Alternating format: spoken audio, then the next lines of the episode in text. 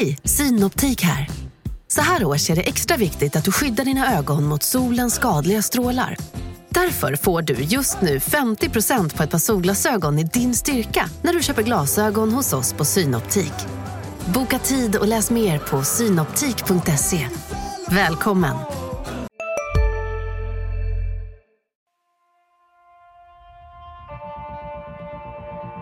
De kan skriva mina citat innan jag ens säger dem. Så eh, där har vi en dialog. Vi, vi, vi har ambitionen att det ska vara klart eh, ganska snart. kommer man att se en mycket spännande fortsatt utveckling. Hur vi ska utveckla GIF Sundsvall. Vi, vi, har en spännande utvecklingsresa. Mycket spännande utveckling. Han var klok nog att välja Sundsvall som nästa utvecklingsmöjlighet. Det är en spännande lösning. Spännande forward. Väldigt spännande central mittfält. Du lyssnar på GIF-podden. Wilson kvitterar i den 85 matchminuten. Peter Wilson. GIF-podden är tillbaka med ett nytt avsnitt och det är det hundrade i ordningen. Mm, Och historiskt. Det är historiskt, som vi, som vi alltid slog fast i poddarna tidigare. Eh, och det här avsnittet är historiskt med mig, Lukas Salin, och det är du. Ja, Oskar Lund. Och dagens gäst till ära, du kan väl presentera dig? Tony Gustafsson. Ja. Och eh, vi- kan väl nästan gissa att eh, poddens eh, lyssnare är i målgruppen som, som har koll på dig nu. Vet vem du är Ja, åtminstone. tränare Ja. för GIF Sundsvall, alias tränarjäveln beroende på vem du frågar. Ja. Har någon någonsin kallat dig för tränarjävel? säkert jag själv många gånger.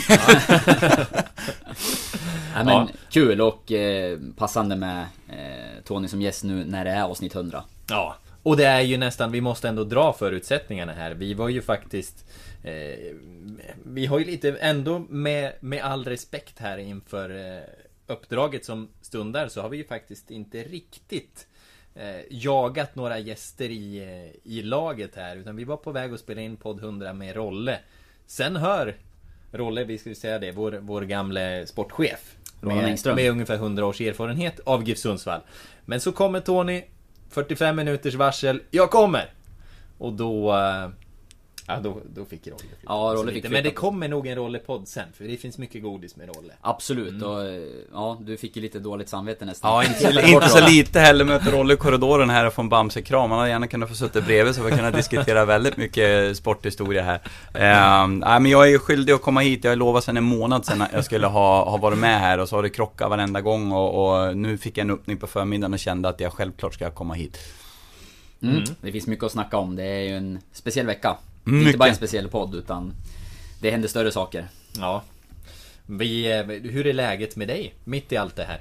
Ehm, det är faktiskt eh, väldigt, väldigt inspirerande och bra. Jag ehm, har sagt det förut, jag har väl någon, någon liten sjuk tävlingsådra i mig att när det, när det betyder som mest och det är som viktigast, då går jag igång som allra mest. Så att jag är själv i sprudlar av energi och, och ehm, har faktiskt en, en eh, väldigt, väldigt positiv känsla inför förberedelserna till matchen på lördag. Sen vet jag att det är en väldigt svår match, men det är liksom inte den här nervositeten och ångesten som, som jag hör i omgivningen att många känner just nu, utan jag känner istället en, en otrolig energi inför helgen.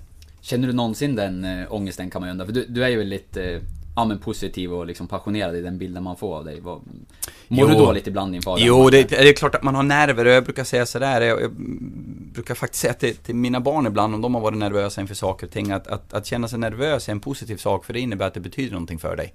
Eh, så att självklart känner jag också nerver, men jag tycker de nervösa känslorna är någonting positivt, för då in- blir jag påminn om att det här är någonting som betyder för mig. Och så använder de känslorna till att bli ännu mer energifylld istället för att jag liksom blir dränerad och, och rädd liksom. Eh, jag, jag, jag tycker det här är, är intressant också. Ja men just... eh, Nej men gud, jag, jag, jag snurrar bort mig lite grann. Jag får, jag, jag, Det får man göra. Ja, jag får en liten tia här. Jag, jag tappar bort, eh, jag tappar bort mig. Oskar, kan, kan du... Kan, Ska jag rädda dig? Kan du ta vid lite? Jag, jag tar emot den passningen på, på volley. Eh, nej men ditt ledarskap som ju bygger mycket på det här, liksom entusiasmen och, och passionen. Och, du pratar med dina barn om att, ja men nervositeten kan man använda till någonting positivt. Gentemot spelarna, är det på samma sätt där eller hur, hur hanterar du dem inför, ja en sån här match? Och nu har ni haft några stycken på rad dessutom av samma karaktär.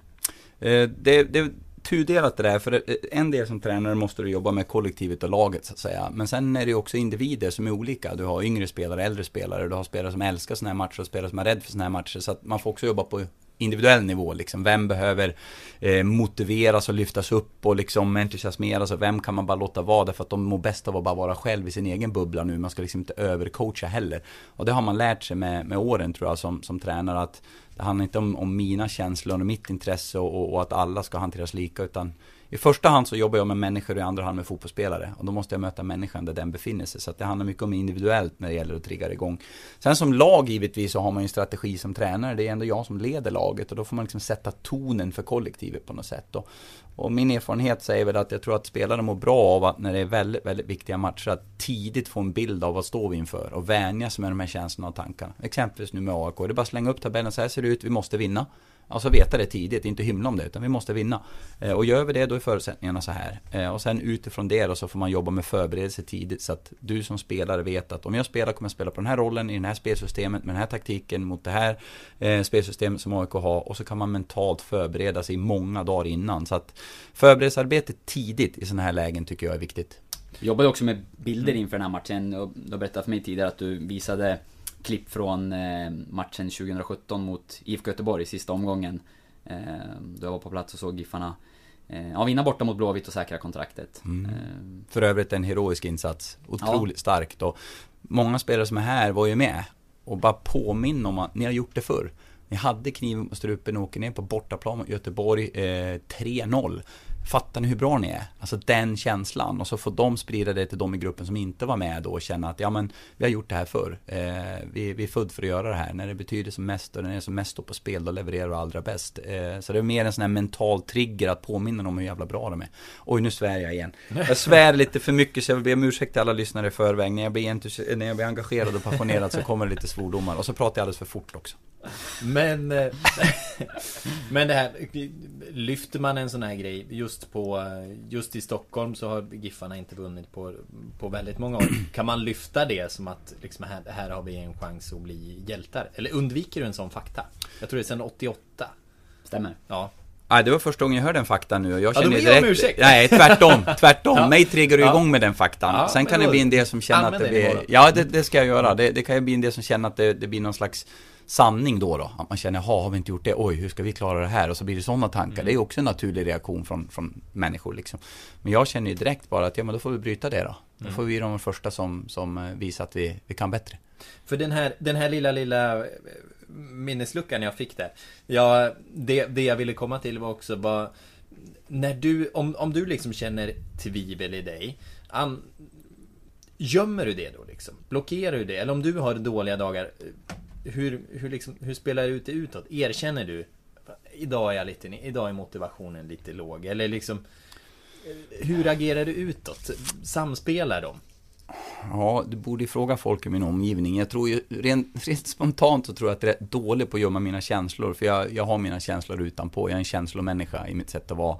Eh, och, och kan väl i, i besvikelsen och ilskan stunder, ni såg till exempel mot matchen senare mot Helsingborg efter matchen. Jag kunde inte gömma besvikelsen och ilskan då. Jag, jag var skitförbannad och skitbesviken. Och, och kan inte jag sitta där med ett leende på läpparna och låtsas som att allt är skitbra liksom. Eh, men däremot så tror jag när du nämnde ordet tvivel, det, det tror jag skulle vara livsfarligt som ledare om man låter tvivel sippra in i gruppen från ledarhåll. För det finns ett jag får alltid be om ursäkt om alla engelska uttryck, men jag har ju coachat på engelska senaste tio åren liksom, plus att jag coachar på engelska här, så då blir mycket engelska uttryck, eh, så jag ber om ursäkt för det. Men, men attitude reflects leadership.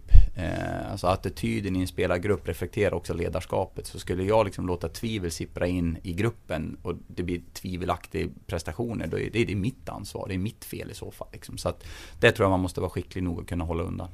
Mm, mm. Var kommer den här liksom, tron och din entusiastiska sida ifrån då? Har det alltid varit så?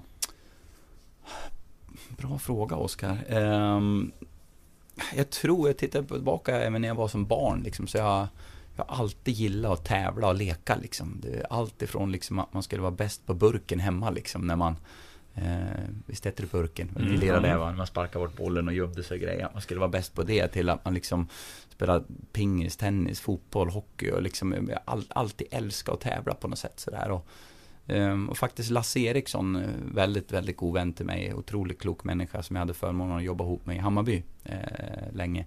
Som, som sa till mig, Tony, det, det är um, en reflektion bara. Du, du, um, du är alltid som bäst när det gäller som mest och står som mest på spel. Ett derby eller en cupmatch och sådär. Då är det någonting som händer med dig.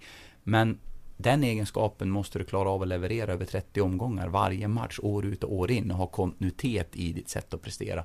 Och det var en jätteviktig lärdom för mig som, som tränare. Att man liksom inte kanske bara pika när det gäller som mest och gå igång då, utan att man är lika jävla bra i alla matcher sett över en lång tid. Liksom. Och det är någonting jag har jobbat med de senaste åren som tränare, att liksom vara konstant i mina prestationer som tränare. Det är ju intressant också om man tänker, du har en bakgrund nu som landslagstränare där det kanske ännu mer handlar om just det där att pika i specifika matcher och, nu är du i ett Pika hela tiden? Ja, mm. även om det är en liksom kort period med GIF Sundsvall så är det ju ändå, ja, det är, det är längre än en landslagssamling åtminstone. Mm. Har du fått hantera det på något sätt? Eller är det liksom just då, ja, pika konstant som du är inne på? Just nu gjorde jag faktiskt en liknelse för mig själv. Att jag tyckte, jag såg det här uppdraget lite grann som eh, en OS eller VM-turnering. Eh, längden är ungefär densamma som när man ligger på läger, liksom förläger inför en OS och VM-turneringen. Matcherna är, är, nästan densamma. Det var åtta matcher, eventuellt kval kan det ju bli, då blir det tio. Men tittar man på en OS och VM-turnering då så är det sex eller sju matcher beroende på vilken turnering det är. Så att liksom, längden på det här uppdraget påminner väldigt mycket om en, en eh, turnering i, i VM OS. Och då kände jag mer att jag tar med mig lärdomarna det vi har gjort bra i de OS och VM-turneringarna och agera liknande här. Alltså utifrån mitt ledarskap, hur jag agerar så att säga. Eh, och en, ett sätt att göra det, det är också att man måste växeldra med ledarteamet. Jag har ju ett fantastiskt ledarteam runt omkring mig.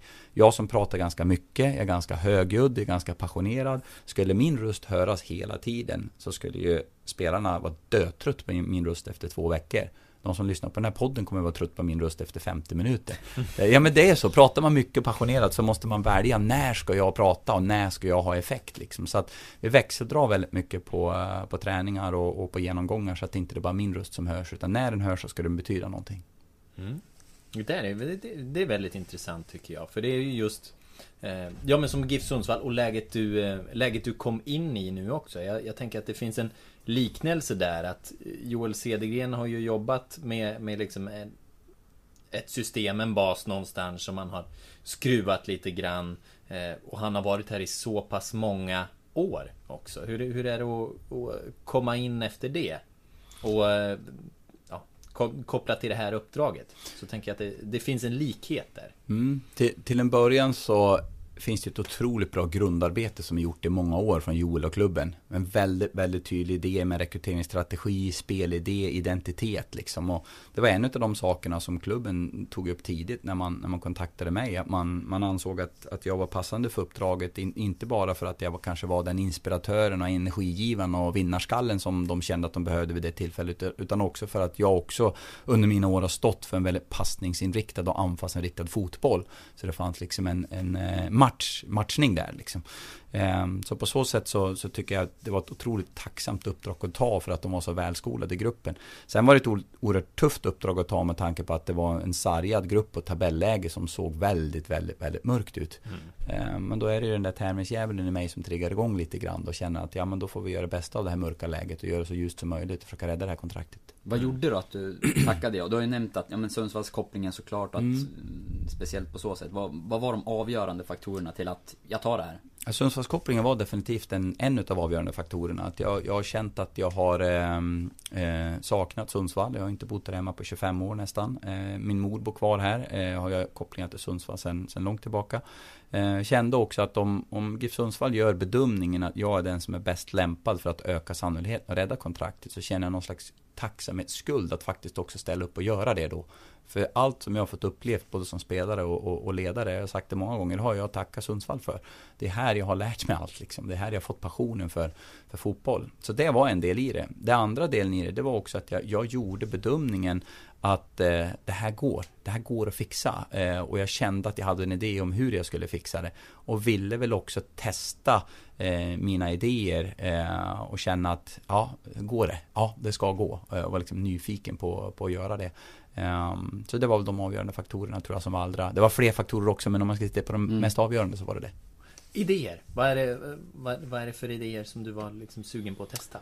Jag var inne lite grann på det nu, det är det här med ledarskapet. Mm. Jag upplever att jag har blivit en, en äh, bättre ledare. Jag har alltid brunnit för ledarskapet. Som jag sa, i första hand jobbar man med människor, i andra hand med fotbollsspelare. Och det här med, med, med, att jobba med individer och grupper och få dem att nå sin fulla potential. Det är någonting som har har kittlat mig och, och intresserat mig ända sedan jag var väldigt, väldigt ung. Ehm, och därför jag hoppade på tränarbanan så tidigt. Jag var 26 när jag hoppade på tränarskapet. För jag var nyfiken och testade idéer redan då. Och känner, jag har alltid haft ett mantra att eh, bli en dag bättre. Hela tiden försöka bli en dag bättre. Ehm, och i mitt fall bli en dag bättre som ledare och pedagog. Och, och hur jag kan möta människor och få dem att växa. Och jag känner att det jag har lärt mig sista, sista åren, inte minst efter fem år i USA, vill jag liksom applicera i praktiken och, och ska inte sticka under stolen heller med att det var, var um, kul att få bli huvudtränare igen. Att liksom gå all in med sina idéer hela vägen här.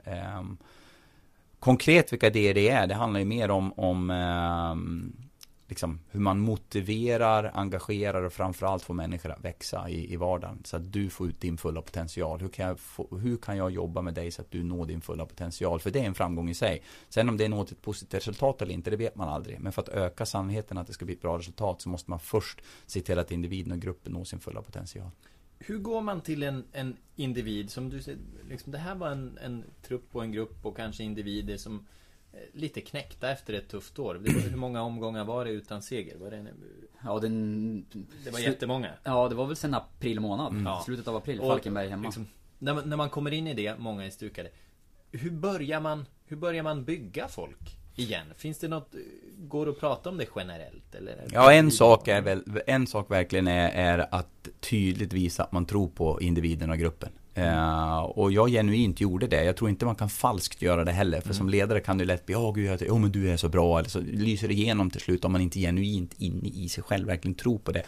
Och som jag sa, jag, jag fick väldigt, väldigt kort tid på mig när jag tackade ja till det här. Men en sak jag gjorde var ju att titta på kopiöst många matcher. Så det var inte så mycket sova på, på en par nätter. Uh, och jag, jag, kände att jag hade en genuin tro på att det här ska gå. Och det jag måste göra då när jag kommer upp, det är att komma upp som ny ledare för den här gruppen och visa dem att jag tror på dig, jag tror på er, jag tror att det här är möjligt. Och sen måste jag sälja in det då. Eh, så att de fattar det liksom. Att, att ja men så är det. Och det kan man ju alltifrån att man står i presentationer till att man sitter i en del möten till att man visar klipp från träning eller matcher och medvetandegör dem hur duktiga de är. Um, så jag tror liksom, nyckeln där för mig, det första var, det var viktigt för mig att signalera att jag tror på er. Jag mm. tror på er, jag tror på oss, vi kan göra det här. Och få dem att känna att ja, det är möjligt och så få någon, någon energiboost av det då. Finns det någon du kan liksom peka på som du har sett, wow, har, har lyft under den här tiden? Jag tycker, jag tycker hela gruppen har lyft och jag måste säga att jag är imponerad av att det fortfarande bodde så pass mycket entusiasm och go i dem när jag kom hit efter den långa motgångsperioden som ni, som ni nämner. Mm. Det fanns ändå liksom en, en, en, glöd i dem. Jag ville att glöden skulle bli en eld. Mm. Liksom, att vi verkligen skulle brinna. Eh, sen pratar vi nu i ett läge då vi har två extremt tuffa förluster bakom oss. Eh, och då blir det ju när klassiska liksom berg och dalbanan känslomässigt. Att man åker upp på höjder och känner sig otroligt positiv när vi vinner två matcher i rad mot Kalmar Sirius. Och så två förluster i rad nu, då är det lika låg känsla. Så att just nu handlar det om att jag måste tillbaka in och putta in tron på dem. Men för att komma tillbaka till frågan om några lyft så tycker jag även individuellt sett att det är en hel del eh, spelare som har lyft. Eh, det som är viktigt för mig nu när jag sitter i en podd så här veckan innan AIK, det är att allt jag säger nu har en direkt påverkan på prestationen till helgen. Mm. Så man måste ju verkligen väga sina ord på, på guldfat citat här, vad man säger och inte säger. Så att jag väljer att inte gå in på specifika spelare individuellt här i podden nu inför AIK. Mm. För det är laguttagningar och annat på gång inom bara några dagar. Och, och eh, jag väljer istället att, att hylla entusiasmen och, och uh, gå till gruppen än individer i dagsläget. Mm. När du kom där då, dels att skjuta in förtroende, eller självförtroende i gruppen och, och tro. Din egen plan, hur, hur såg den ut? Det var ju en del såklart då, men fanns det en eh, Ehm, taktisk plan, det här vill jag göra, mm, en liksom eh, planering framåt då du såg framför dig de här poängen ska vi ta, hur, dina tankar där? Rent taktiskt så, så var det oerhört viktigt att ett, gör en tillräckligt stor förändring så att de känner att det händer någonting. Men inte göra en för stor förändring så att det blir kaos. Och där tror jag återigen erfarenheten av att vara tränare så pass länge gör att man, jag tror att hade det här varit jag för, för 15 år sedan, då hade jag nog gjort tror jag i alla fall, för stora förändringar i tron om att nu måste vi göra det här och riva upp och bygga nytt och göra det. Och så hade man insett att nej, men det är för lite tid på oss. Nu tror jag med erfarenheten så inser man, nej, men ta med det bästa från grunden som redan finns. För det finns ju en grund där. Och dessutom ska man ha respekt för att det här laget är skräddarsytt och byggt specifikt för en viss typ av fotboll. Eh, och dessutom till viss del en viss formation. Alltså i alla fall i vissa roller och vissa ytor på plan där spelare är, är, som bäst. Och då måste man jobba med det som grund. Sen addera det som adderas behövde för att ta poäng. Och där har ju varit tydligt tidigare i alla intervjuer här att jag, jag identifierade tidigt vad jag ansåg var det viktigaste. Och det var ju att omsätta bollinnehavet i att skapa flera målchanser. Eh, och där har vi jobbat väldigt konkret med statistik och titta, skapar vi mer målchanser? Sen gäller det givetvis att omsätta dem också. Det är klart att jag blir lite upprörd nu när jag tänker på Helsingborgsmatchen. För då lyckas vi verkligen skapa mer målchanser. Det mesta vi skapar hela 2019 faktiskt om jag ska vara, vara konkret. Men, men vi lyckas inte omsätta dem och det är klart det finns en frustration i det. Men det var en sån sak jag jobbade med. Mm. Vad är, när, man, när man tittar på ditt ledarskap och hur det liksom har formats och så här. Går det att nämna hur eller vilka personer som du liksom har tagit med dig ledarskap av? Till en början är det ju, är det min familj. Eh, min mamma är ju idrottslärare, eh, vickar faktiskt fortfarande fast hon är pensionär. eh, och har definitivt eh, haft en påverkan på mig. Eh, sett henne i hennes ledarskap och hur hon möter människor och se alla för, för de de kan bli, inte bara de de är, utan se potentialen i alla människor runt omkring mig. Det har verkligen gett mig en, en, en liksom förebild i mitt ledarskap. Eh, pappa likaså som har jobbat med fotboll hela mitt uppväxt. Jag har sett honom i alla typer av ledarroller, både på företag företagssidan och fotbollssidan som en, stor inspirationskälla för mig.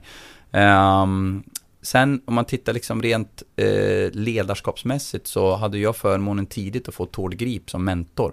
Mm. När jag fick spelande tränaruppdraget i Ytterhogdal så har ju han kopplingar och rutter ifrån Ytterhogdal. Så jag fick förmånen att åka ner en vecka till han och Svennis i Lazio på studiebesök och, och etablera en personlig relation och sen... Då var Lazio fina vill jag bara skjuta Det till. var det, det var året de vann Lazio. till och med. Ja. Det var det året de vann, hade förmånen att vara där då. Så att det var, det var en fantastisk upplevelse för mig. Det var ett första året som tränare och man får liksom inleda med att åka på studiebesök dit och dessutom får då en, en mentor och, och en coach i form av Tord som, som är en väldigt, väldigt stor förebild för mig. Inte minst för att han med allt han har upplevt och alla resultat han har nått så har han båda fötterna på jorden och den mest ödmjuka människan ni kan möta.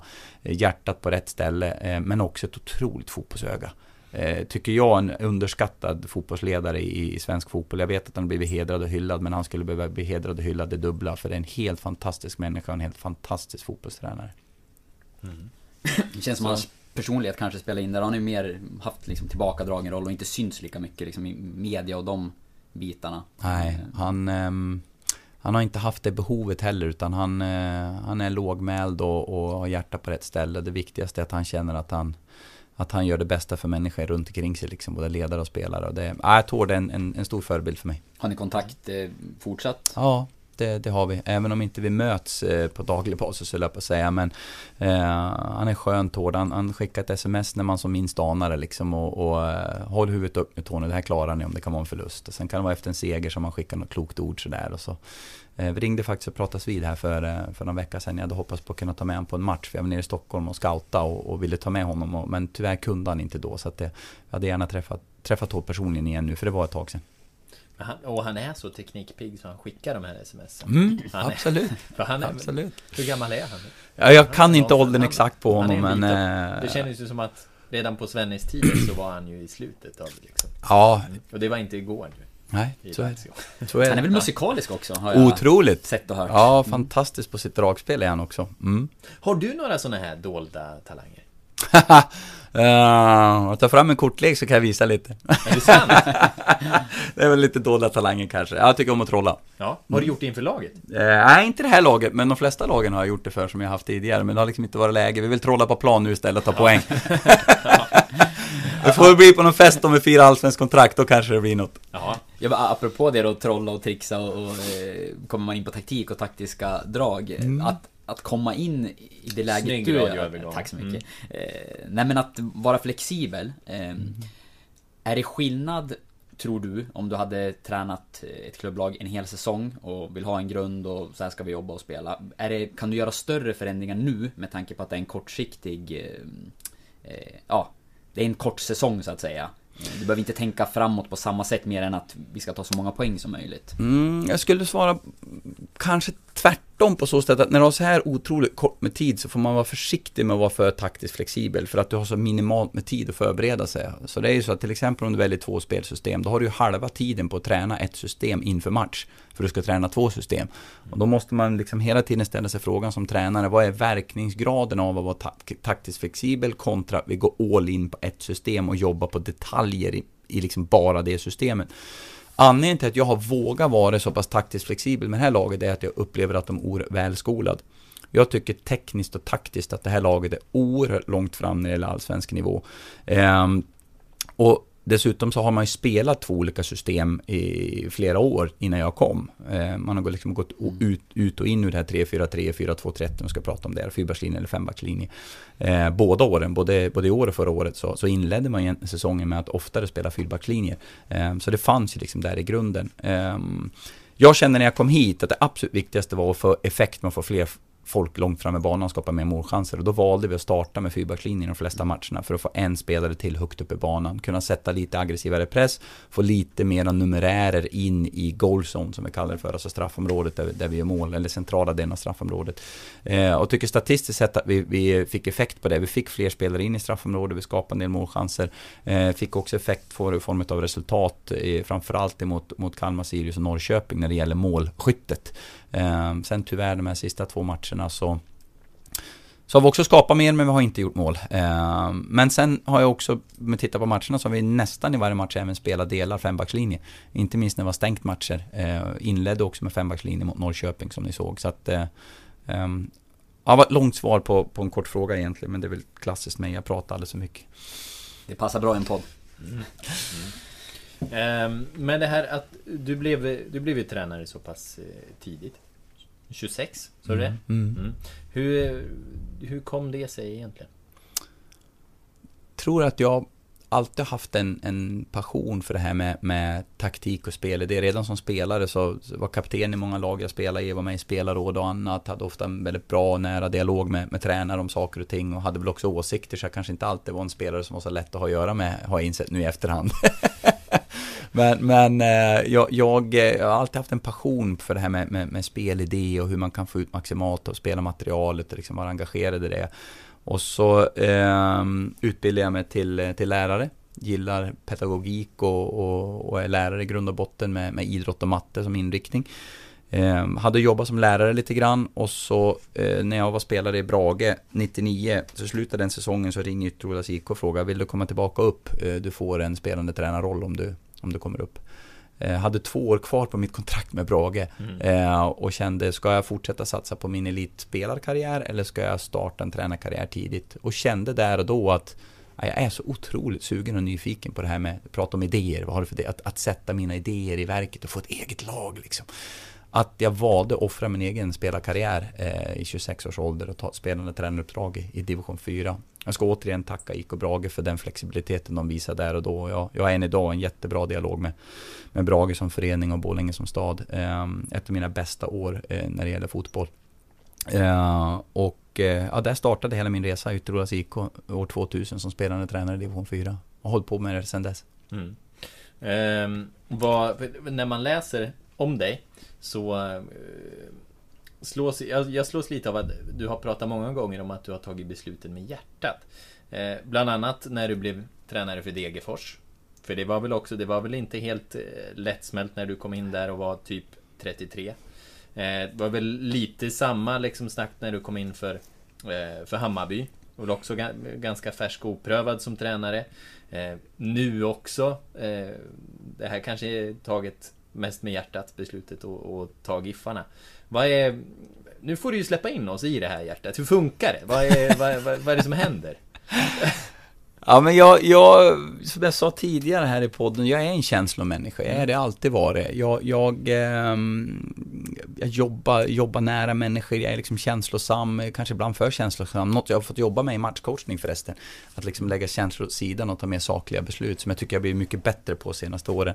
Eh, men eh, jag liksom och väl alltid, det är en kombination också med driv ska vi ju säga. Jag har haft ett driv liksom, att, ett, ett driv i att vilja hela tiden bli en dag bättre och att, att pröva mig i nya miljöer och ta mig an utmaningar. Utmaningar som inte alltid kanske varit självklara och lätta utan utmaningar där kanske många ifrågasatt, är du verkligen redo för det här? Liksom, att, att jag vill ge mig in i nya miljöer och prova, prova nya saker och inte vara rädd för det. Um, det har ju också gjort att man har fått en del smällar på vägen, så funkar det ju. Men jag, jag tror ju att det, det är av de smällarna man blir bäst. Alltså inte att jag är bäst utan att alltså det är de man lär sig bäst av, så jag menar. Ehm, de här motgångarna. Så, så att ehm, jag tror att det, eh, det här hjärtat jag ska släppa in i det är väl bara konstatera att jag är en känslomänniska liksom som, som gillar nya utmaningar och så det i kombination med en tävlingsjävel då, då springer man in i utmaningar som är rätt tuffa och, och roliga liksom. Mm. Vilke, ja, Nej, kör du. Vilken, vilken smäll har varit mest lärorik? Oj, det har varit jäkligt många smällar som har varit kostsamma men lärorika. Eh, Champions League-förlusten med Tyresö eh, mm. svider än idag. Eh, att leda med 2-0 och 3-2 i en Champions League-final och, och, alla vet ju som har varit med i den här branschen att det inte oftare får förmånen att stå i en Champions League-final. Eh, och det var också dessutom en av mina målsättningar där jag hade liksom OS-guldet, VM-guldet och SM-guldet hade jag. Men jag hade inte Champions League-guldet och jag ville liksom checka den boxen också. Och var så otroligt nära att göra det. Och dessutom på sättet vi, vi förlorade, så inte gå in på det nu för att bli upprörd. Men eh, jag tror samtidigt att den motgången där och då i Champions League-finalen, de lärdomarna jag fick då när det gäller till exempel game management, alltså hur man hanterar matcher och scenarier i matcher, saker som händer med ledning, underläge, skador på plan, saknar spelare, fair play och så vidare och så vidare. Massa olika saker som hände i den här matchen som var, var väldigt, väldigt lärorikt för mig. Eh, och jag tror att några av de lärdomarna faktiskt hjälpte mig att hjälpa USA att kunna ta VM-guld. Mm. Eh, för några av de sakerna upprepade sig igen och jag hanterade det bättre. Eh, framförallt var jag ett steg före eh, de scenarierna. Så det var en sån där sak som var, var jättejobbig.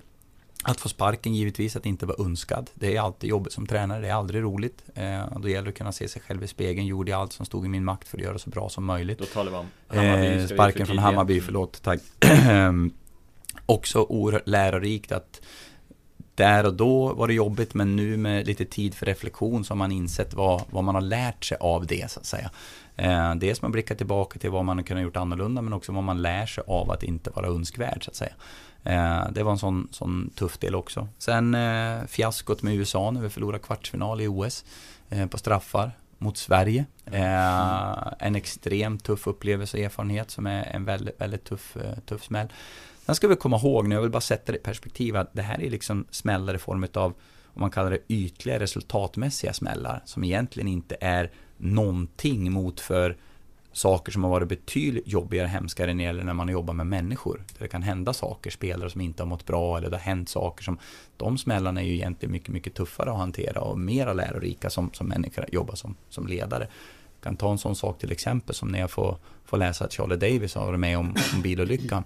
Mm. Eh, Charlie Davis som jag, jag hade i Hammarby och jobbade väldigt, väldigt, väldigt nära och, och, och um, kände att, att vi lyckades få ett genombrott hos honom. Jag jobbar mycket med något som jag kallar för genombrottscoachning och han fick sitt sanna genombrott och blev landslagsspelare och liksom karriären var på väg spikrakt uppåt och så hände den här hemska, hemska bilolyckan liksom. Och, Eh, och jag ringer och försöker få tag på Charlie, han svarar inte och det, jag vet inte om ni läste en artikel här nyligen ja. där, där eh, liksom, skammen han kände gjorde att han inte svarade liksom. Eh, men sen har vi haft kontakt sen dess och pratats mm. vid och att det faktum har gått bra för, för Charlie och att han, han är lycklig idag med familj och, och hälsosam. Det, det känns ju helt, helt fantastiskt att säga. Men det jag menar med det är att det finns olika typer av liksom smällar man, man erfar. Liksom. Så att, och resultat i all ära kan ju vara jobbigt men, men det handlar ju mer om det här med människor. Liksom. Du, lyssnarna hörde inte det men vi pratade ju lite innan podden drog igång också om, och då är vi inne på lite det här ämnet att skilja på kanske prestation och eh, ja, var vi inte inne på den typen av allvarliga händelser men mer det jobbet man gör eller liksom vad, också vad man vill lämna efter sig mm. eh, i Sundsvall. Kan du inte ta oss igenom det lite grann hur du skiljer på eh, ja, men det som faktiskt blir resultatet som är det som ofta uppmärksammas i mm. elitfotbollen och det som är det jobbet och det man gör tillsammans i, i en grupp eller som ledare. Vi försöker inte bli för långrandig nu då, för det här är en av mina absoluta käpphästar och, och det är jag mest passionerad över och det som jag också är ute och pratar mycket om när jag föreläser. Ehm, och det är synen på framgång vi pratar om. Vad har man för syn på framgång? Eh, och jag brukar skilja på inre och yttre framgång. Men vi lever i ett samhälle idag där det är väldigt mycket fokus på yttre framgång.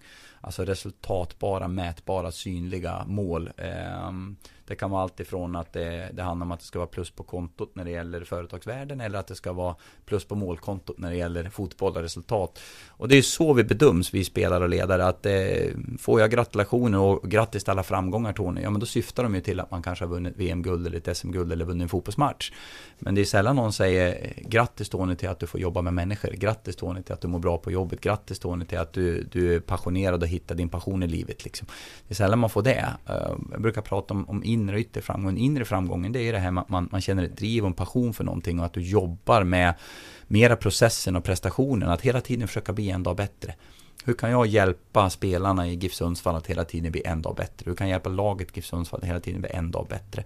Eh, och att älska den processen. Eh, och liksom, kan man svara ja på den frågan som individ och lag, att ja, vi blev en dag bättre idag. Då är det i sig en framgång, enligt mitt sätt att se på framgång. Och då kan ju någon säga så här, men vadå, det är en resultatfixerad bransch, det handlar om att vinna. Ja, men det är ingen konflikt mellan ett utvecklingsfokus att hela tiden vilja bli en dag bättre kontra att öka sannolikheten att också faktiskt vinna matchen på lördagen. Det går faktiskt hand i hand. Så jag tror att gör man ett bra jobb med den inre framgången och kan checka den boxen, känna att ja, jag har gjort allt som står i min makt för att jag ska bli så bra som möjligt. Eller jag har gjort allt som står i min makt för att hjälpa laget att bli så bra som möjligt. Då tror jag också att man ökar sannolikheten till att resultatet också blir positivt. Finns det tillfällen då det kan eh, krocka? Som du ser det? Inte enligt mitt sätt att se på framgång, inte. Eh, för jag tror att det, det, det, är också mitt sätt att se på hur man lever livet. Jag, jag, jag tror att vi människor blir, blir lyckligare och mer framgångsrika om vi har en, en syn på vårt liv där vi hela tiden vaknar upp på morgonen och försöker bli en dag bättre. Det som någon har studsat tillbaka till mig då när jag var ute och föreläst och sagt att ja men ska man inte acceptera sig själv för den man är då? Och bara älska sig själv för den man är? Måste man alltid bli bättre liksom? Då sa jag, det är ingen konflikt i det. Självklart ska vi älska oss själva för den vi är och vara nöjd med det vi är idag. Men jag tror att vi människor drivs av, mänskligheten drivs av att utvecklas. För det har vi gjort i årtusenden. Sen kan ju det vara att bli bättre till att, ja men jag vill lära spela med gitarr. Eller ta golfen, jag spelar golf. Golfen har gjort något otroligt smart med handikappsystemet. Varför fastnar så många människor för golfen för? Jo, därför att du som individ kan hela tiden bli lite bättre. Så om du har sänkt dig mer i år än vad jag har gjort, men du har egentligen sämre handikapp, ja men du har gjort en bättre säsong än mig, för du har utvecklats mer utifrån det du var än det jag var golfen hookar ju många människor på det. Så vi människor går igång på att hela tiden bli lite bättre. Eh, och det är en framgång i sig, oavsett vad resultatet blir så att säga. Så att enligt mitt sätt att se det så är det ingen konflikt. Just kring golfen så har väl du också eh, fastnat vid att bli bättre eller utveckla sporten. Eh, det finns en uppfinning där.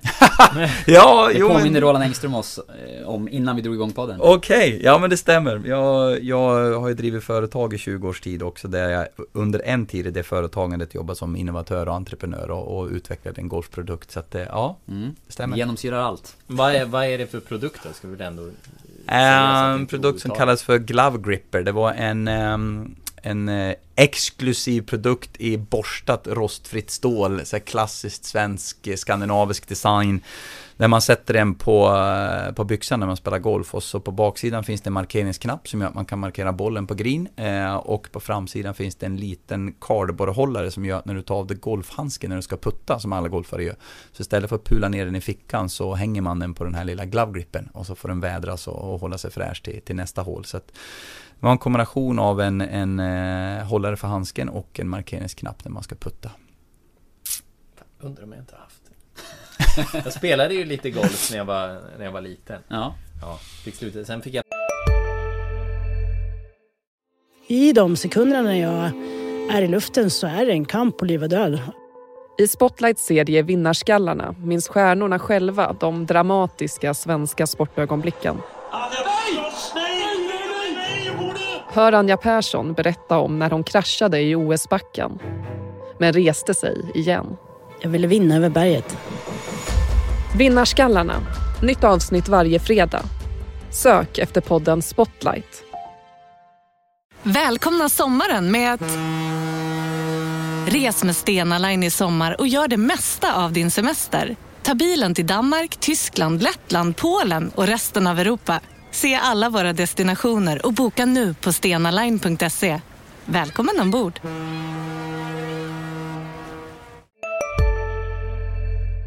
Välja mellan fotbollsskor och eh, köpa nya klubbor när jag hade vuxit ur dem och då blev det Det blev fotbollsskorna Billigare där hemma också? Ja, det, resten är historia. Det blev ingenting någonstans.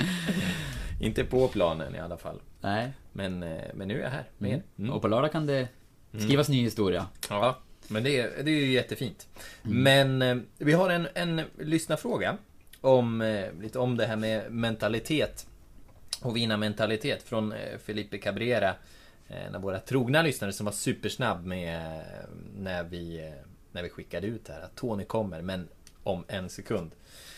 Så frågade han Vad är den största skillnaden amerikaner versus svenskar vad gäller vinnarmentalitet? Och vilka klara skillnader upplever du? Bra fråga. Ehm, jag brukar alltid säga att jag, jag är försiktig med att generalisera när man får sådana här frågor. Vad är skillnaden mellan att träna killar och tjejer? Vad är skillnaden mellan Sverige och USA? Det, jag, jag är försiktig med att generalisera för att jag, jag har inte sett tillräckligt mycket för att vara så tydlig i den åsikten.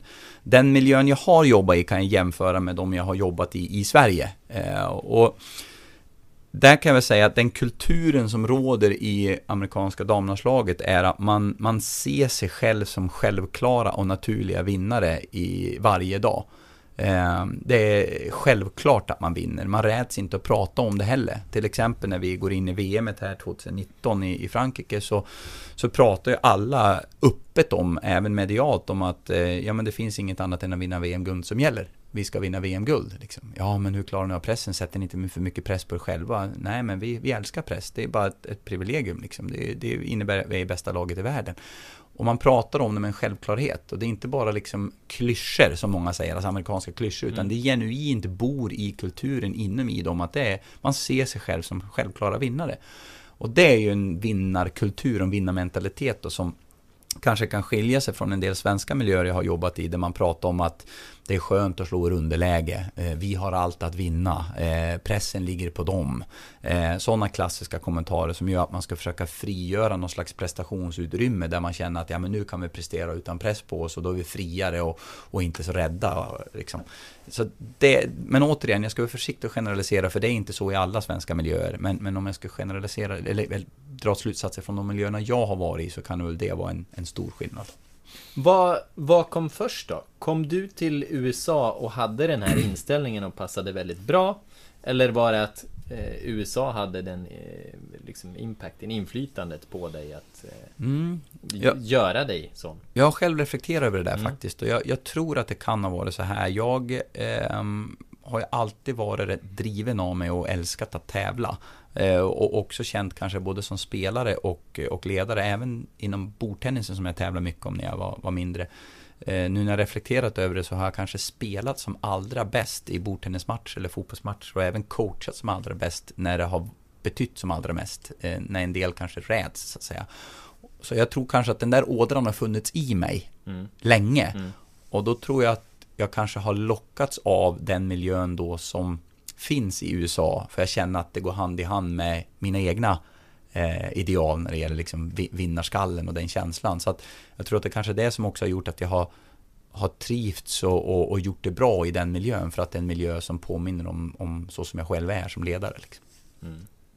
Mm. Tror du att eh, liksom, är det något som lockar att komma tillbaka till eller vill du prov, prova det här ute någon annanstans nu? Alltså nu är du ju i Sundsvall bevisligen men, men när du tänker på, på framtid och så?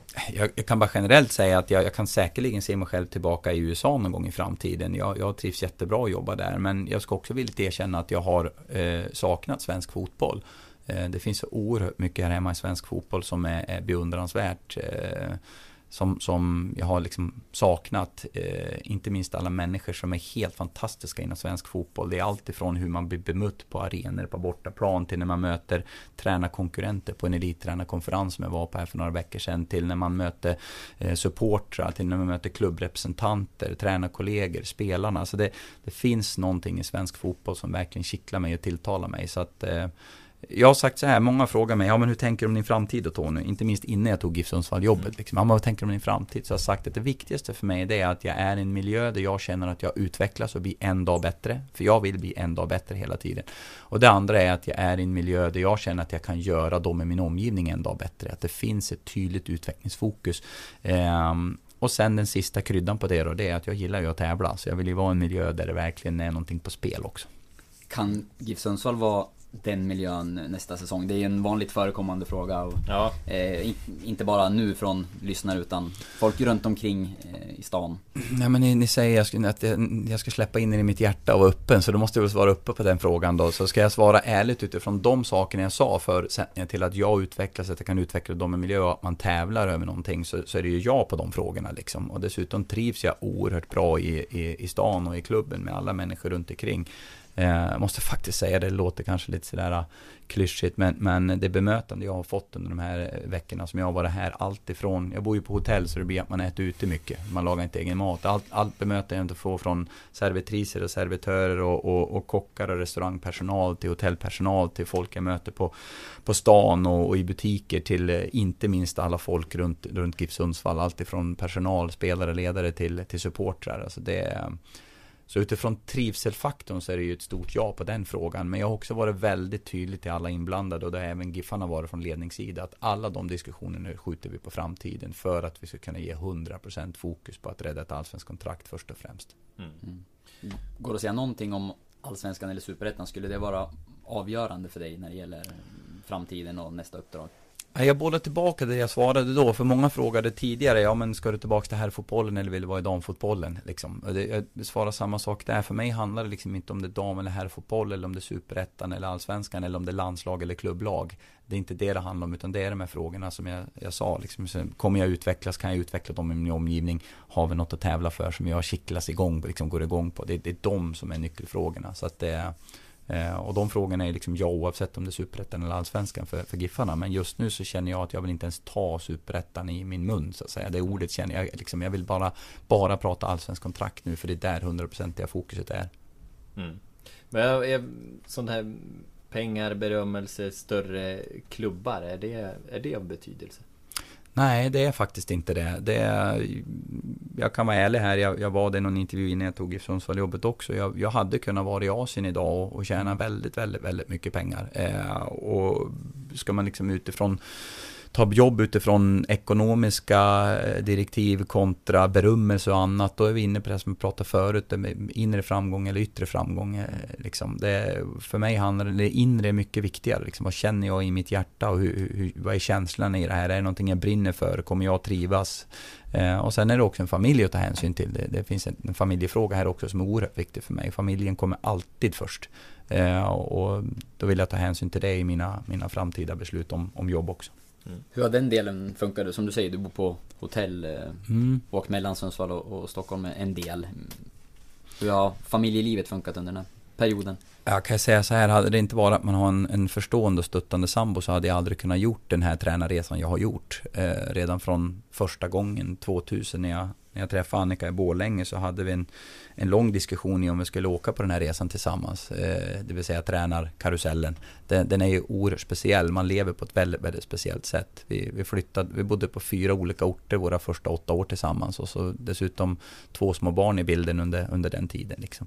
Så att eh, utan det hade det ju aldrig gått. Ehm, um, så att det är fem år och pendlat över till andra sidan Atlanten med, med en familj hemma i Stockholm och, och, ligga på hotell och ligga borta fem till sex månader per år. Det, det krävs ett, ett tålamod och en förståelse från familjen för att det ska funka.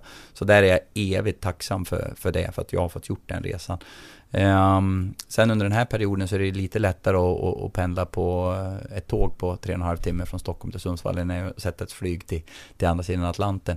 Nu har jag valt att, att jobba väldigt hårt den här perioden för att det finns bara ett som räknas nu och det är allsvensk kontrakt och då, då har jag jobbat stenhårt. Sen har familjen istället kommit upp hit till Sundsvall och hälsat på mig lite grann. Så jag tror jag var hem vid två tillfällen sen, sen jag kom upp hit. Mm. Va, hur, hur, många är de? Det är, det är två barn? Ja, det är Annika och sen är det Anton som är 01 och Alva som är 03. Okay. Um, mm. Du får ett jättestort hotellrum nu, en svit. Nej då, vi har trängt in oss i lite familjerum här. Uh, men det funkar det också. Uh, de var uppe här på höstlovet och hälsade på lite grann. Och, tittade givetvis på matchen också. Så de har varit på de, på de flesta matcherna faktiskt, uh, även på, på bortaplan. och det, det, är kul, det är liksom ett, det, det här har varit fotboll har varit en del av våra familjer hela, hela livet liksom. Så att det, det um, Sen är ju dottern inte fotbollsspelare, hon är dansare, hon älskar sin dans. Det viktiga är att man hittar sin passion i livet liksom. Och hon har hittat sin och det är man jätteglad för. Sen tycker hon givetvis det är kul att gå och titta på fotboll och, och heja på pappa och pappas lag, så är det ju. Mm. Eh, jag tänkte också på något annat apropå skillnader. Det kanske inte nödvändigtvis är mellan eh, Sverige och USA. Men mellan eh, Allsvenskan och, jag menar du har ändå varit i en klubb som vinner, eller vi Champions League-final. Du har varit med liksom världseliten i USA. Game changers är något, något jag tänker på. Du har ju pratat om avbytarna som game changers. Mm. Men jag såg nyligen en dokumentär som heter Game changers. Som handlar om eh, vegansk mat och idrottsprestation. Som jag tyckte var väldigt intressant. Men, men de här liksom små faktorerna som höjer en. Om mm. det är mm. kost eller en viss träning. Om det är att eh, lägga sig i en kryokammare efter mm. tuffa träningspass. Eller vad det kan vara. Hur skiljer det sig där? Och vad skulle man kunna skruva upp här tror du?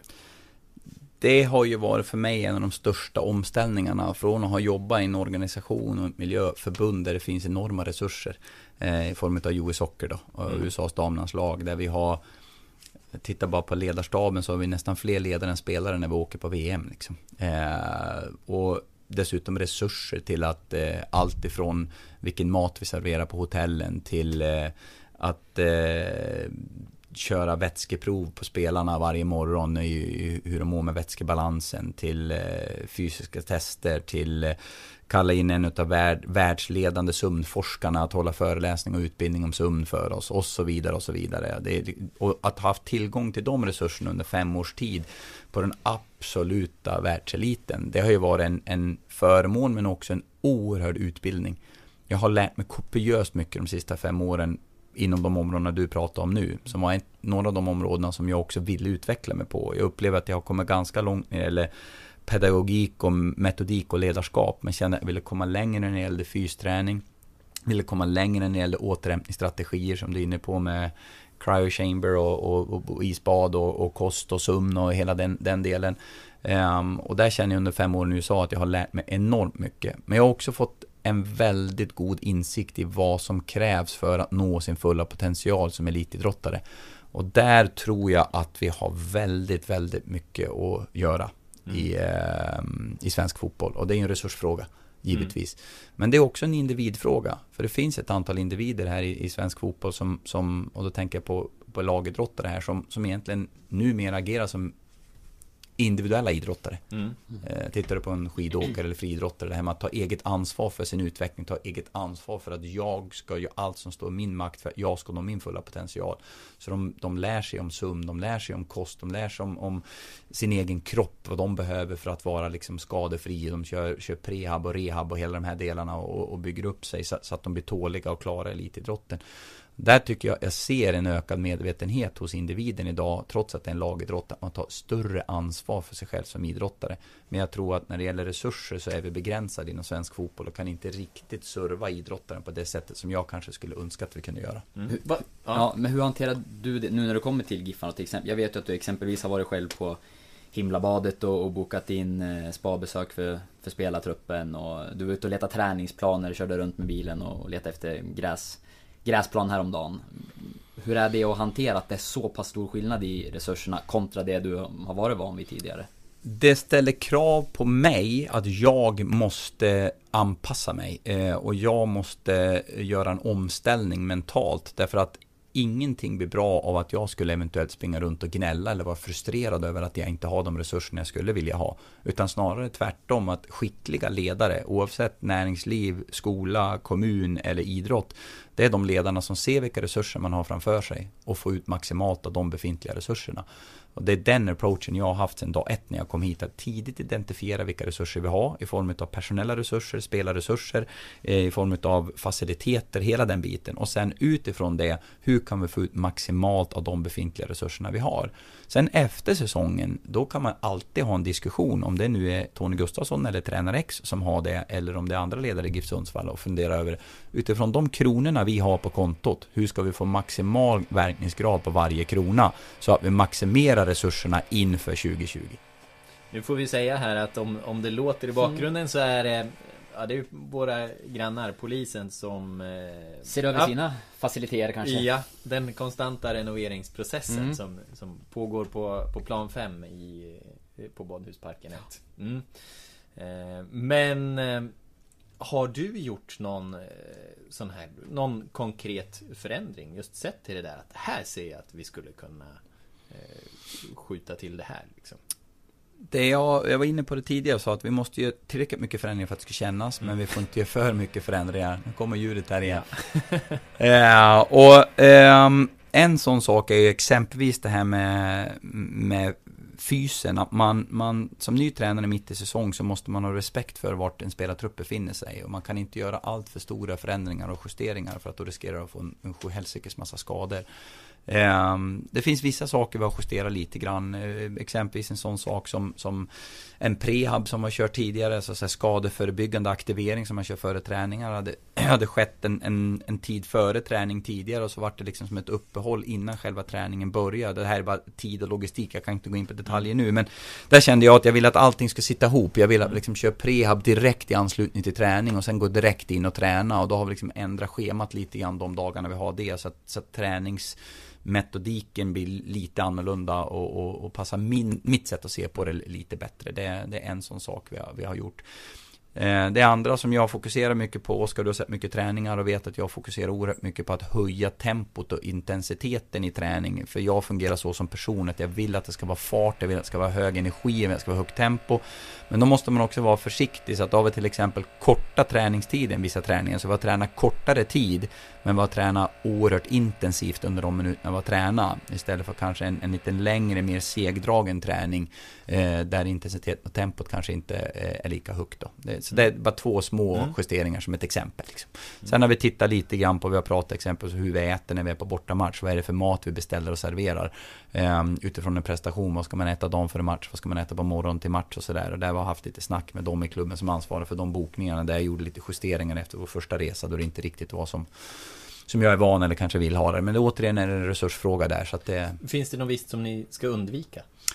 Jag, vill inte, jag är inte den som är expert på, på kost och kostrådgivning här. Så jag, jag tänker ha full respekt för de som har det och inte sitta här och ge massa råd till de där ute som kanske tycker men Tony Gustafsson sa jag skulle undvika det här och jag ska ja. äta det här. Och så finns det de som är mycket, mycket, mycket bättre på mig.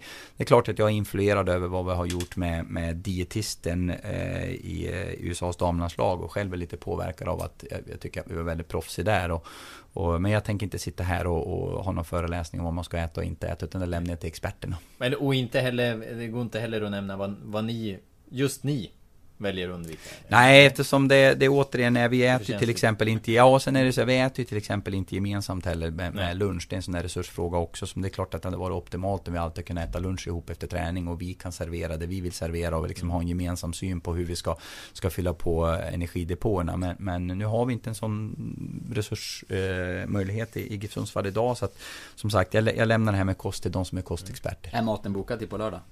ja, det är den faktiskt. Det är den faktiskt. Mm. Det, är, det, är, inte jag som har bokat den, men jag vet att den är bokad. Jag fick faktiskt sms i morse apropå reseschemat och bokningen inför helgen. Så. Mm. Vill du berätta då vad ni kommer käka? Tuffgröt och taggtråd. Bra! Ja, det låter ja. som ett tegelrecept. Det låter jättebra. Jag vet inte, nu, du har ju själv sagt det att liksom, nu är det fokus på lördag, det är det ni liksom har kvar här på uppdraget. Kanske två matcher till. Men om du skulle få vara lite hypotetisk, att du blir kvar i eh, GIF Sundsvall en säsong till. Du bestämmer dig för det. Eh, och du får bygga upp allt eh, mer från scratch här, eh, här lite grann. Med, ja, givetvis så har du ett lag att ta hänsyn till och kontraktslängderna och sådär. Men hur skulle du vilja lägga upp det? Hur, hur skulle ni behöva göra in, inför framtiden? Tänk nu gjorde du en, sån här nu gjorde du en sån här klassiker. Du la upp bollen på straffpunkten och alla lyssnare sitter där och säger Fy fan vilken bra fråga, nu är vi nyfiken att svara. Och så kommer jag med det tråkiga svaret att Det är hypotetiskt, låt oss fokusera på AIK nej. nu. Och så säger alla Nej vad tråkig du är Tony! Ja. Uh, jag känner att jag, jag är mentalt inte riktigt där ännu och, och uh, jag vill liksom, jag är så otroligt fokuserad på AIK just nu. Det vi däremot har sagt som mm. jag kan säga nu, det är att vi har sagt att i november månad, vi kommer fortsätta träna i november månad uh, och verksamheten pågår, så ska vi sätta oss ner och göra ett utvärderingsarbete och titta under luppen och se hur har 2019 sett ut och så kommer jag givetvis delge mina erfarenheter, hur jag har upplevt det. Mm. och sen finns det de som har varit i GIF Sundsvall mycket längre än mig som har ännu klokare ord att säga inför för 2020. Och och utifrån den, det analysarbetet så, så är jag säker på att GIF Sundsvall kommer bli en dag bättre. Men där är du med oavsett eh, nästa säsong och vad som händer med dig och så vidare. Jag känner en skyldighet när man har varit här att delge den erfarenheten jag har varit här. Sen hur den används, det är ju till den som blir kvar att ansvara för. Om det nu är jag eller tränare X eller om det är andra ledare högre upp i hierarkin eller i styrelserummet i Sundsvall som tar de besluten. Men självklart, om jag blir tillfrågad så tänker jag delge mina erfarenheter, absolut. Vi- Tiden börjar rinna iväg men vi vill ju, vi vill ju prata lite AIK-avgörandet. Ja, men stänger ner. definitivt. Det är ju liksom det, det, sto, det stora här. Det stora Ja. som väntar. Vad, vad ser du framför dig? Jag ser framför mig ett eh, högljutt Friends där det kommer vara ett otroligt tryck. Där eh, spelarna kommer vara liksom i en isolerad bubbla själva på plan och svårt att kommunicera med varandra. Svårt för mig att nå ut till spelarna. Eh, vilket innebär att vi måste göra förberedelsearbetet här hemma otroligt noggrant så att vi känner oss trygga när vi kliver ut på banan. Och även om inte vi kan kommunicera så bra och prata med varandra och det här trycket finns på arenan så ska vi kunna stå emot det och känna oss trygga i oss själva och i våran prestation. Eh, det är en sån där viktig del i förberedelsearbetet, det är vetskapen om hur det är när man spelar på bortaplan mot AIK. Det andra det är, jag ser en match framför mig där, om man ska titta historiskt sett nu, ni kan ju titta statistik, ni har datan där, jag, jag tror inte jag säger fel, men, men eh, jag gick tillbaka och tittade på de fem senaste mötena med, med AIK, eftersom en del spelare har varit med här de senaste tre åren och, och det Joel har gjort i arbetet de senaste tre åren, så vill jag gå tillbaka och titta på alla de fem senaste matcherna. Eh, så har det varit extremt målsnåla matcher. Och då kan man ju välja att se det i en positiv synvinkel eller en negativ synvinkel. Om man börjar med det negativa så kan man säga att vi har haft otroligt svårt att göra mål på AIK. Otroligt svårt att göra mål på dem. Eh, väljer man att se det på det positiva sättet så kan man se att de har svårt att göra mål på oss. Eh, vi har släppt till väldigt lite. Eh, och det gäller liksom att hitta delar i de matcherna där man tittar på, okej utifrån de matcherna och utifrån att ta sig in i Rickards huvud. Eh, hur funderar Rickard i den här matchen? Kommer man titta på tidigare matcher och ta delar därifrån? Vad är det de har gjort och försökt göra mot, mot GIF Sundsvall? Ser han det här som en helt isolerad händelse och en helt ny match och, och utifrån förutsättningarna de har inför sista matchen kommer de göra något helt annorlunda. Och sen gäller det att titta på oss själva. Vad har vi tidigare gjort som har varit bra mot AIK? Vad har vi tidigare gjort som har varit bra sen jag kom hit och hitta liksom någon slags mix av av det bra vi har tidigare gjort mot AIK men framförallt också det vi har gjort bra eh, sen jag kom hit. Inte minst när det gäller att skapa målchanser och, och hur gör man det mot ett AIK som är ett av de lagen i Allsvenskan det är svårast att skapa målchans mot. Det är bara att titta statistiskt så släpper de till extremt lite målchanser. Ja, man vill ju såklart veta hela matchplanen men den- misstänker jag att vi inte kommer få ta del av. Nej, men det som är viktigt att förstå här tror jag, det, eller förstå, men det, det är viktigt att klargöra det är att vi måste ju vinna. Vi måste ju vinna och då kan man ju ha en, eh, lite olika approach på det. Antingen kan man gå all in från start och säga vi, vi, vi går för ett tidigt mål. Vi går all in och försöker anfalla mot AIK tidigt och gör tidigt mål och sen försöker vi sitta på den ledningen. Eller så har man en försiktigare approach och säger att vi måste stå emot för AIK kommer forcera. De har varit otroligt bra första kvarten på hemmaplan. Alltså det, det kommer liksom en, en våg av tunga fysiska AIK-spelare över det både anfallsmässigt och försvarsmässigt där många lag har haft extremt svårt att ta sig ur det, greppet liksom. Och då kan man tänka sig, ja men okej, vi, vi står emot den vågen till en början. Bara stå emot och håller ställningarna och så länge det är 0-0 är vi med i matchen och så går vi för en slutforcering. Och sen finns det någon medelväg där mittemellan och vilka av de vägarna vi kommer välja kommer jag givetvis inte avslöja här men, men vi är fullt medvetna om eh, vad vi behöver göra för att ta tre poäng. Sen när vi klarar av att göra det, det är en helt annan sak. Men de förberedelserna satte vi redan igår. Vi spelade jättemycket 11 mot 11 och liksom spelade en minimatch mot AIK redan igår och kommer göra samma sak imorgon igen. Så att när vi åker ner och möter dem så har vi redan spelat matchen taktiskt och mentalt här hemma tillräckligt mycket för att vi ska vara, vara förberedda när vi kommer ner. Sen gäller det att göra det i praktiken också. Vi, jag och Oskar här i podden försökte vi lansera inför eh, förra matchen. Hade vi gillat att se Mm, eh, ett innermittfält med eh, både Tobias Eriksson, Juanjo och David Batanero. Men kanske Batanero mer framför de andra två. För de här har ju sällan eller aldrig startat samtidigt och framförallt inte som innermittfältare. Men vad, kan du släppa in oss? Hur, hur hade ett mittfält med dem fungerat tror du? Vi var väl då inne på Mm. att droppa ner eh, Juanjo som en tredje mittback också va? Ja, I vissa lägen. Och det har ni använt er av i, Mm. vid tillfällen. Ja, det, det har vi gjort. Även om vi inte har gjort det då när, när Bata och Tobbe var det innermittfältare. De spelade, Bata och Tobbe spelade ihop i Örebro min första match, när även när Chancho var avstängd då, så att säga. Men, ehm, ja men det har säkerligen kunnat funka bra. Ehm, Um, Bata är väl egentligen, trivs väl bäst rättvänd i som vi kallar det för, spelyta 5, alltså framför motståndarnas mittfält, där han får stå och prickskjuta djupledslöpande mm. spelare så att säga. Och I spelyta 3 då, som ni pratar om nu, alltså en, typ en tia-roll där man mm. spelar mellan motståndarnas backlinje och mittfält, där det ofta finns betydligt mindre ytor. Eh, och det krävs kanske betydligt mera löpa ifrån den positionen också. Mm. Så eh, Bata har ju en vänsterfot ett skott därifrån som skulle vara jätteintressant. Eh, sen har man andra egenskaper som kanske passar bättre rätt än djupare ner i banan då. Um, men jag vill inte gå in på specifika laguttagningar, specifika spelare nu med respekt mm. av att mm. vi ska ladda för, för AIK. Men, men uh, det är intressanta teorier ni lanserar. uh, jag kan ju säga så här, som tränare sitter man ju alltid och diskuterar hur ska vi få ut maximalt av det spelarmaterial vi har framför oss. Uh, utifrån vilka som är i form, vilken fysisk status vi har, vilka som är tillgängliga, vilket motstånd vi möter, hur har det sett ut i träning och sådär. Och, och man, ibland kan det verka som att vi tränare alltid är så självklara över allt vi gör och det för man ser liksom bara slutprodukten. Okej, det här laguttagningen blev det, det här blev det kommer tillbaka återigen till träningarna som du har varit och tittat på Oskar rätt mycket så har du sett att vi roterar ganska friskt. Av två anledningar. Ett, att vi vill ha en konkurrenssituation där spelarna känner att det är viktigt vad man presterar i träning. Så att man kan slå sig in i en startelva. Men också för att för oss är det inte bara viktigt med en startelva. Det är precis lika viktigt med en slutelva. Och då måste spelarna vara redo för det. Så ber man om en game changer som vi kallar det för, alltså en matchförändrare komma in från bänken så, så ska de vara redo att faktiskt påverka matchen också in i en riktning som, som är positiv. Jag ska faktiskt ta ett exempel när det gäller laguttagning. Eh, ni frågar om vilken spelare som jag tycker har liksom blivit bättre sen jag kom hit. En som verkligen har stuckit ut för mig sista tiden nu är Dennis Olsson. Jag hoppas att ni såg hans prestation mot Helsingborg. För enligt mig var det hans bästa prestation 2019. Jag tycker han var ruggigt bra. Både defensivt och offensivt. Och eh, han blev uttagen i startelvan för han hade visat en ruggig form i träning. Han har jobbat stenhårt på träningarna för att liksom hela tiden bli en dag bättre. Eh, och det vi har jobbat mycket med med Dennis är att omsätta hans träningskvalitet till matchkvalitet. För i, i träning så har han en jäkla energi, och en stor portion mod i sättet att försvara och anfalla. Där han vissa gånger i match tidigare har spelat lite för försiktigt och konservativt och kanske lämnat över ansvaret till andra i någon slags ödmjukhet så att säga. Eh, egentligen en bra egenskap hos honom som person men som kostar honom lite grann i fotbollsspelandet ibland. Nu senast, nu spelar han precis som han tränar. Snacka om att ta initiativ, både i försvarsspel och anfallsspel och då känner man ah! En dag bättre. Dennis har tagit jättekliv. Så, att, så där har det också det där viktigt att man ser med öppna ögon i, som tränare i vad man presterar i träning. Och då slår Dennis in i startelvan och gör en kanonmatch liksom.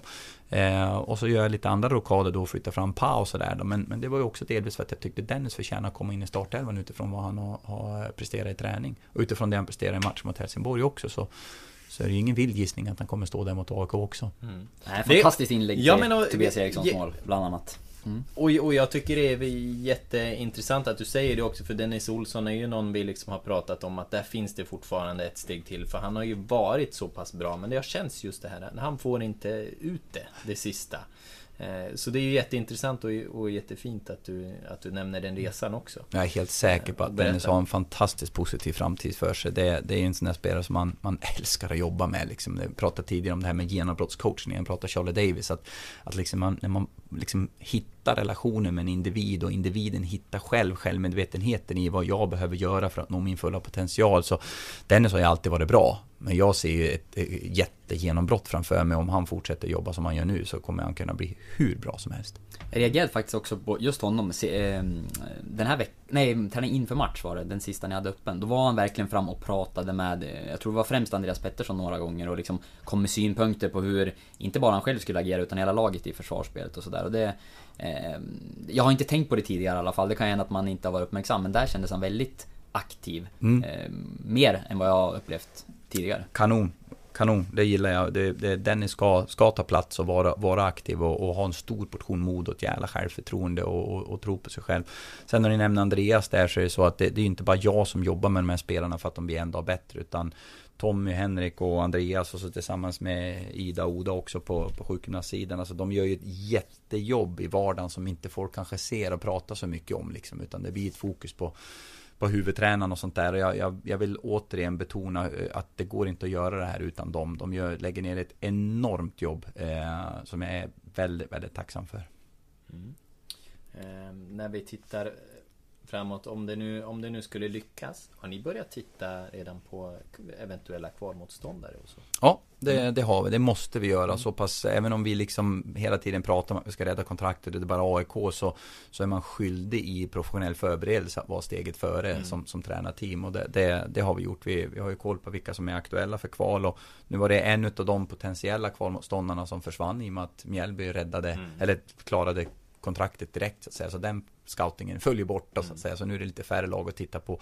Däremot på djupet har vi inte, utan det är den här ytliga första grova som, Mm. som är gjord. Eh, sen om det, om det blir kval och vilka det blir kval mot, då får man ju dyka in i djupet och titta på detalj mot den Mm. motståndaren. Tänk om det blir Brage, som du har pratat varmt om. Mm. hade ju varit, hade varit spännande. Det hade varit spännande, det är inte minst med tanke på att vi har spelare där också. Mm, dessutom. Ja, den är, den är, den är ju speciell. Mm. Det hade ju varit, det hade varit mycket trigger hos dem, tänker jag mig. Mm. Mm. Selin och Morsi. Vi får se till att klara det utan kval. Ja. Mm. Ja, hur ser du på, eller sk- skiter du i dem kanske? Oddsen? Hur klarar ni det? Ja, nej, odds, där, där är ju någonting jag inte har haft någon passion för. Jag, är aldrig någon, jag tippar ju aldrig resultat eller sådär oddsgrejen, det är inte riktigt jag. Eh, men, men ni var inne på, vad sa ni, var det 88 senast? eller vad Ja. var det? Senaste borta seger mot AIK just Ja. det. Mm. 88, ja okej. Ja, då bör ju oddsen vara skyhöga då. Ja. är det inte så? Eh, Men eh, vi får motbevisa den, eh, den statistiken och så får vi istället titta liksom på en statistik som säger att sist som GIF Sundsvall var i ett liknande läge, åtminstone ett läge som påminner om det här, var ju när de ska möta Göteborg borta som vi var inne på. Och då slänger man fram en prestation och vinner med 3-0 på bortaplan mot Göteborg. Så vi får göra något liknande som det istället då. Mm. Om ni eh, skulle lyckas med det här och förnya kontraktet. Eh, vi fick ju podden Joel Cedergren att eh, Ja. lova någonting för några år sedan. Mm. Han badade i Sidsjön i november. Iskallt. Det var ett löfte som han gav i, podden att om vi grejar kontraktet då, då badar jag i Sidsjön. Joel, har du satt mig i den här pressen också? Ja. Ja, jag hade jag haft, tof- hade jag, hade jag haft tofsen kvar hade jag kunnat sagt att ni får klippa av med tofsen, men den är ju borta redan. Ja. Ja, varför Ja. rök den? Det är något vi ska ta efter du har svarat på den här frågan. Ja. Eh, ja, jag är inte så mycket för eh, att att lova en massa saker. Det, men vad tycker ni jag ska göra om vi klarar det? Vad är rimligt? Det, det, det, egentligen är ju ingenting rimligt för det blir ju en form av straff för någonting som Ja. eh, du i så fall ska lyckas med. snarare så, vi- Jag förstår faktiskt inte riktigt hur vi fick Joel att ställa upp på det där men, men han gjorde det ju. Ja. Eh, nej men en repris hade väl ändå varit trevligt. En tradition att grejar man ett utsatt läge så tar man ett, ett dopp i. Sidsjön.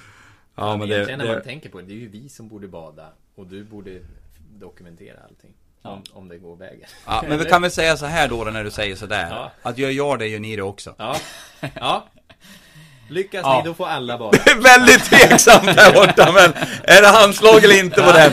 Ja men det... är- Jag kan doppa mig. Ja, det här fixar du. Ja, okej. Då lovar jag att jag gör det också. Träna hårt innan det blir som kryokammaren. Vi har, vi har den liksom här. Ja, det var Mm, faktiskt så att Joel, han tog några, något varv runt Sidsjön och eh, var varm när han Mm. hoppade i. Ja. Eh, Det vet jag för jag var där och filmade det. Ja, vilken återhämtning vi kommer få. Ehm, tofsen, varför rök den?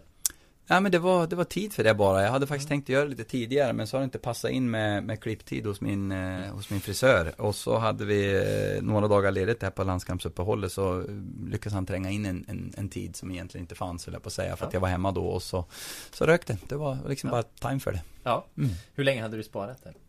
Jag vet inte hur länge jag haft den faktiskt. Kan jag ha haft den i, jag vet inte, två år kanske? Två och ett Ja. halvt? Något sånt Mm. där. Ja, någonting sånt. En annan grej som ju blev en liten snackis. Du coachar med två dunjackor ibland. Så, eller? Hur, hur funkar Nej det? men det är inte två dunjackor. Det är inte det? Jackan hänger faktiskt här. Det är ju det är så pass enkelt att det bara Aha. är en, eh, och nu kanske inte hörs när jag klär bort, men det är så enkelt att det bara är en väst. Det är en väst en en dunväst av exakt Ja, det är samma samma märke märke, och färg. Ja. Exakt. Nej men det är bara för att det, det är ju lite kallt på matcherna. Så då har man en värmande väst under och så, så en jacka. Jag tror faktiskt när du frågar så hade jag väl bara, bara väst i första matchen va? Var det inte så? Örebro Jo. var ju soligt och Ja. fint. Jo, så då men tror jag att jag bara hade väst. väst, tror jag. Nej, det var den Var- där. var det den ja, där? ja, Ja. det var Kolmarväsken. Ja. Ja, här får Mm. vi... eh, här får vi reda ut och gå på djupet med de här frågorna. Det är, det, det är intressant att få lyfta. Ja, det är, jag, har alltid, jag har faktiskt alltid varit intresserad av kläder. Jag tycker det är kul med kläder. Eh, det är mina goda vänner eh, Roger och, Mikaela på Amazing Seven i Farsta som hjälper mig med det. Som är helt, eh, helt fantastiska att ha att göra med. Så jag får tacka dem för att jag eh, har trivsamma kläder och förhoppningsvis snygga kläder. Jag tycker det i alla fall. um, nej men uh, Ja, det var Det var det helt Jo men, jo men faktiskt så Har man ju tänkt på det. det. Det, är en Det är ju en liten skillnad. Många allsvenska tränare kommer ju nu ofta i kavaj och så här. Du har sett mer avslappnad ut i, i din Eh, i din klädsel. Hur är... Men det är ingen träningsoverall direkt. Nej, det är ingen Nej. träningsoverall. Det finns, det finns alltid de som kommer åsikter på hur man ja. är klädd som tränare. Några tycker man ska ha träningsoverall, några tycker man ska ha kostym och, och några tycker man ska ha chinos och skjorta och, och så vidare. Ja, det viktiga för mig är att jag är klädd i kläder jag trivs i. Ja jag, jag vill vara jag liksom. Och, och um, då kände jag att jag som sagt tog hjälp av mina goda vänner som känner mig mycket väl och vet vilken stil jag har och, och kände att jag, jag vill känna liksom på match att nu tar jag på mig något som jag trivs i. Eh, så att jag känner att jag får ut maximalt av mig själv. Sen får folk tycka precis vad de vill om det. Men jag vill ha kläder jag trivs i för då tror jag att jag gör ett bra jobb. Mm. Stora och små frågor. Mm. Ja. Det, kan man, det kan man lyfta. Det tycker jag är fint i, i podden. Innan vi mm. säger adjö så ska du få en, en liten spådom eller en dröm från en av våra eh, mm. kollegor i huset. Mattias Månsson, tidigare VM-spelare i ishockey. Eh, faktiskt. Mm. Han har nämligen drömt att eh, Tobias Eriksson avgör eh, på Friends Arena i 93 minuten på frispark mm. på lördag. Och skjuter Giffarna kvar.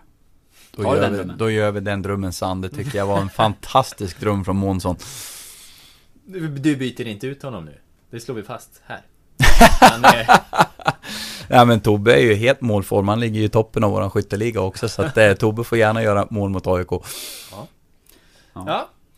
Med de orden så kanske vi ska runda av helt enkelt. Så säger vi eh, lycka till på lördag. Tack så jättemycket och stort tack. Ja, tack. Tack själv.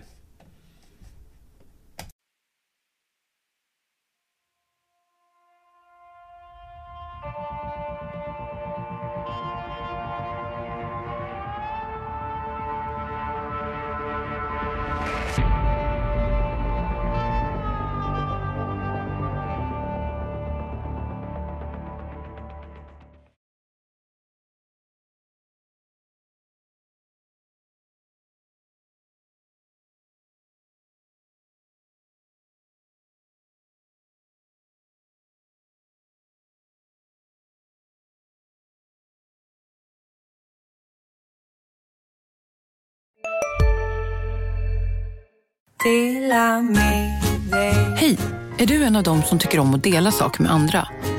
Då kommer dina öron att gilla det här. Hos Telenor kan man dela mobilabonnemang. Ju fler ni är, desto billigare blir det. Skaffa Telenor familj med upp till sju extra användare. Välkommen till någon av Telenors butiker eller telenor.se. Ni har väl inte missat att alla takeaway förpackningar ni slänger på rätt ställe ger fina deals i McDonalds app. Även om skräpet kommer från andra snabbmatsrestauranger. Exempelvis... Åh, oh, sorry. Kom, kom åt något här. Exempelvis... Förlåt, det är något skit här. Andra snabbmatsrestauranger som... Vi, vi provar en talning till. La, la, la, la, la. La, la, la, la.